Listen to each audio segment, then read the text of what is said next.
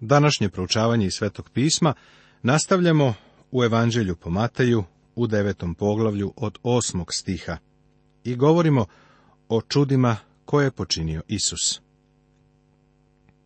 Prijatelju, ti i ja ne možemo da oprostimo grehe. Samo gospod Isus to može. Pa pošto ne možemo da praštamo grehe, ne možemo da učinimo ni da čovek prohoda.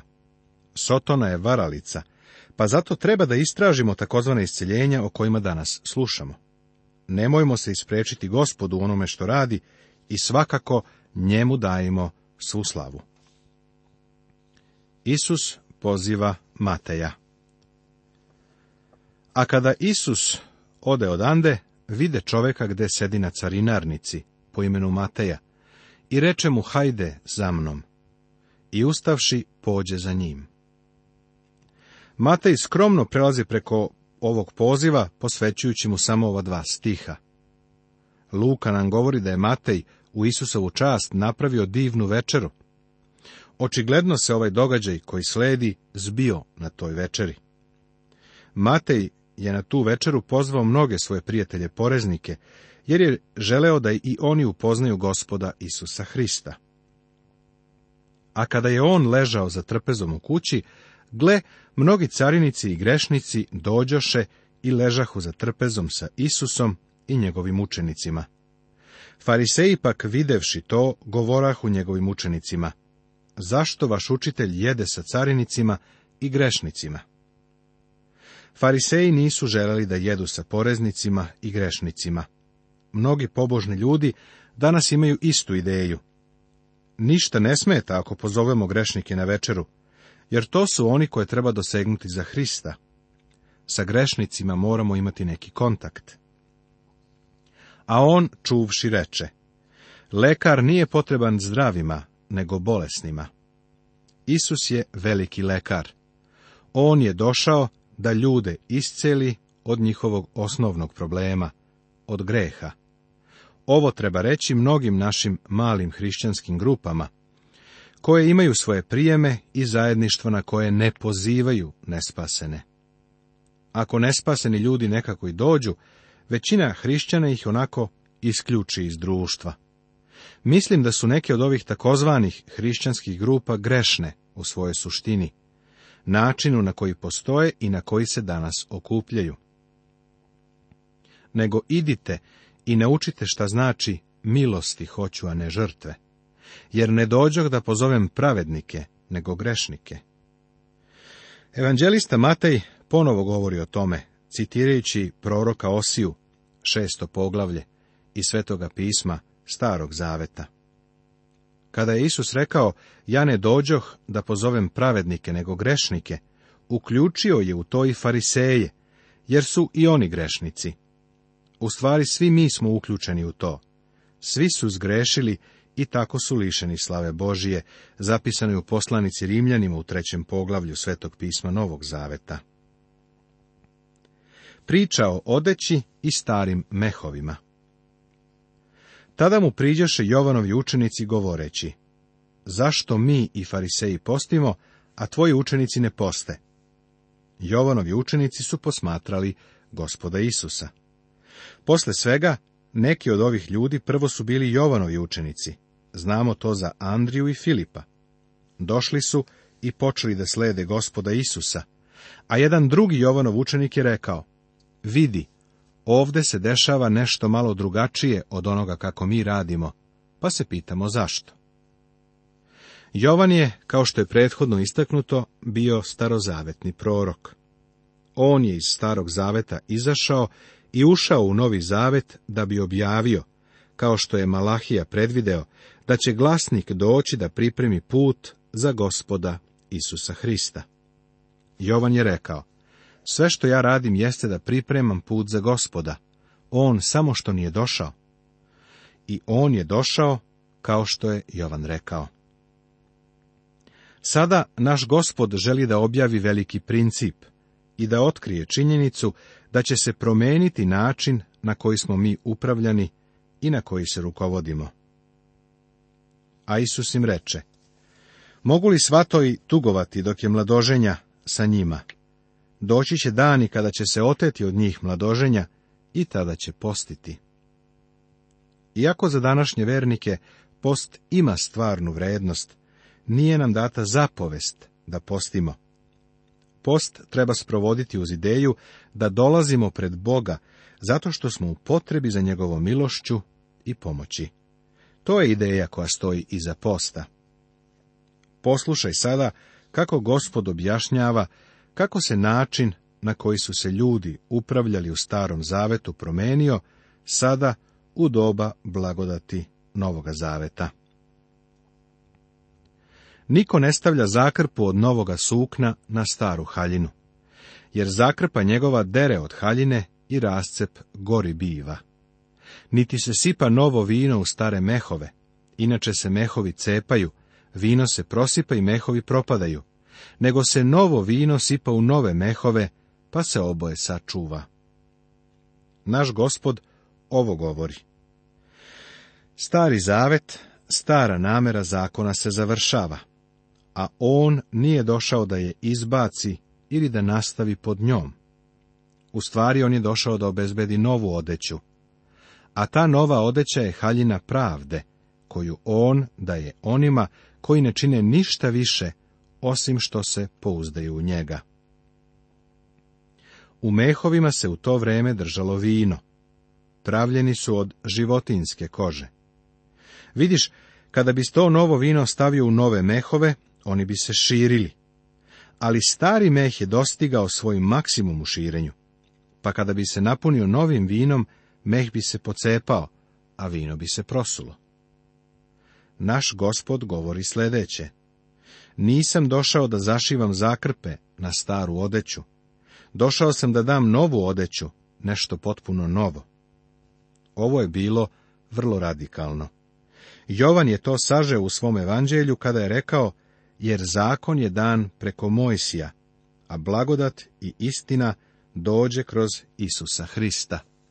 Evanđelje po Jovanu, prvo poglavlje, 17. stih, Svetoga pisma, Novog zaveta. Isus isceljuje ženu i podiže iz mrtvih dete. Dolazimo do osmog i devetog čuda, koja su tako reći povezana. Oba su čuda isceljenja i predstavljaju divan prizor. Dok im je on to govorio, Gle, starešina jedan prišavši, klanjaše mu se govoreći, moja kći sada umre, nego dođi i stavi svoju ruku na nju i oživeće. U svom evanđelju Luka nam govori da kada je ovaj starešina tek došao do Isusa, da je molio da mu Isus isceli kćer. I gle, dođe čovek po imenu Jair, koji je bio starešina sinagoge on pade pred Isusove noge i moljaše ga da uđe u njegovu kuću, jer je on imao kćerku jedinicu od nekih 12 godina i ona je bila na umoru.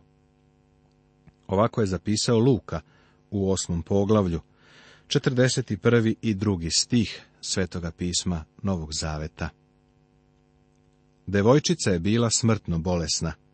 I dok je njen otac čekao da razgovara sa Isusom, došao je sluga i rekao da je devojčica umrla.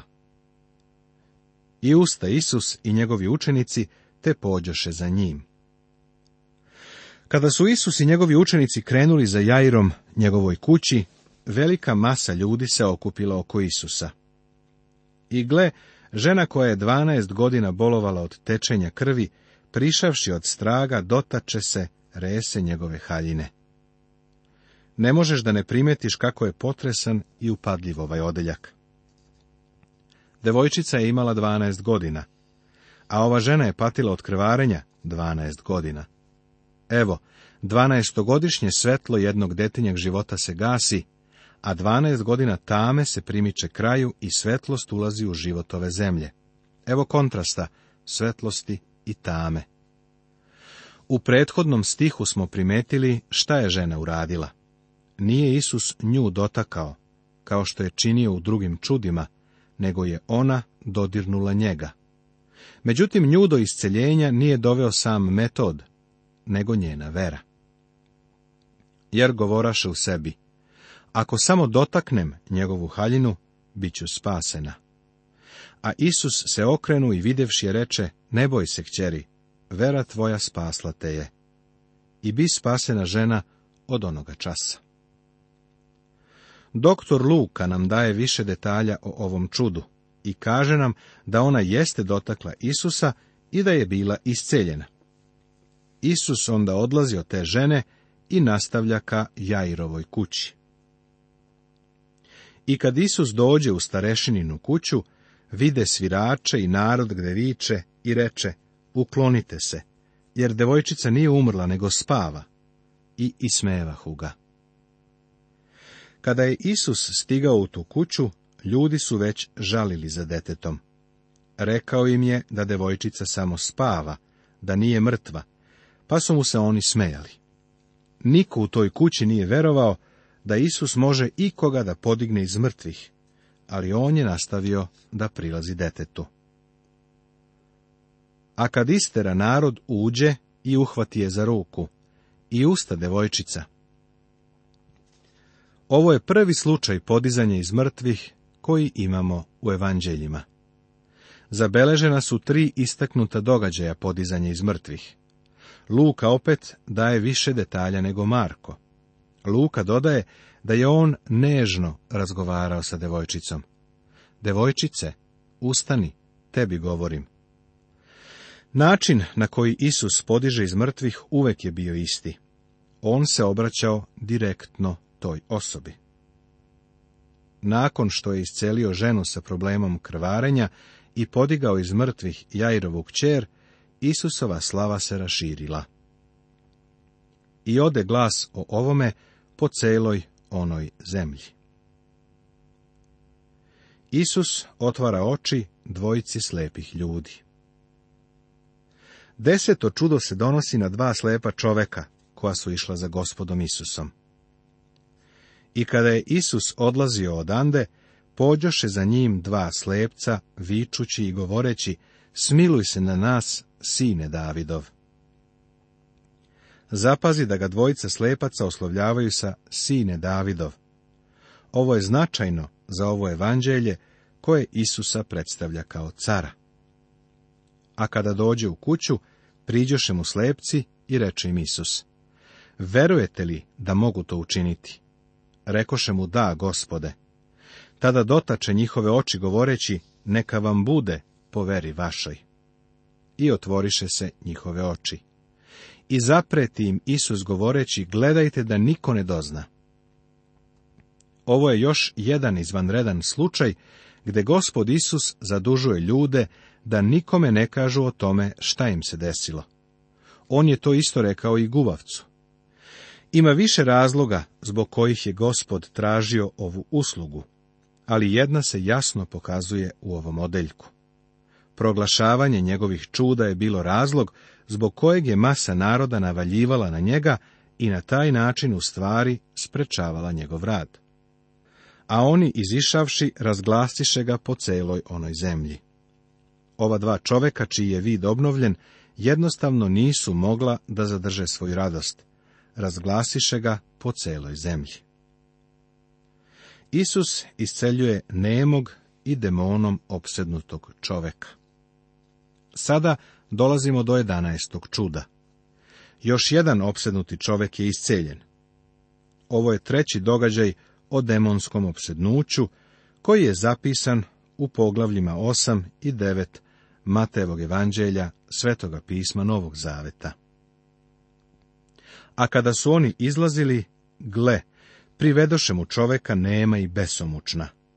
I pošto je demon isteran, progovori nemi i zadivi se narod govoreći, nikada se tako šta ne vide u Izraelju.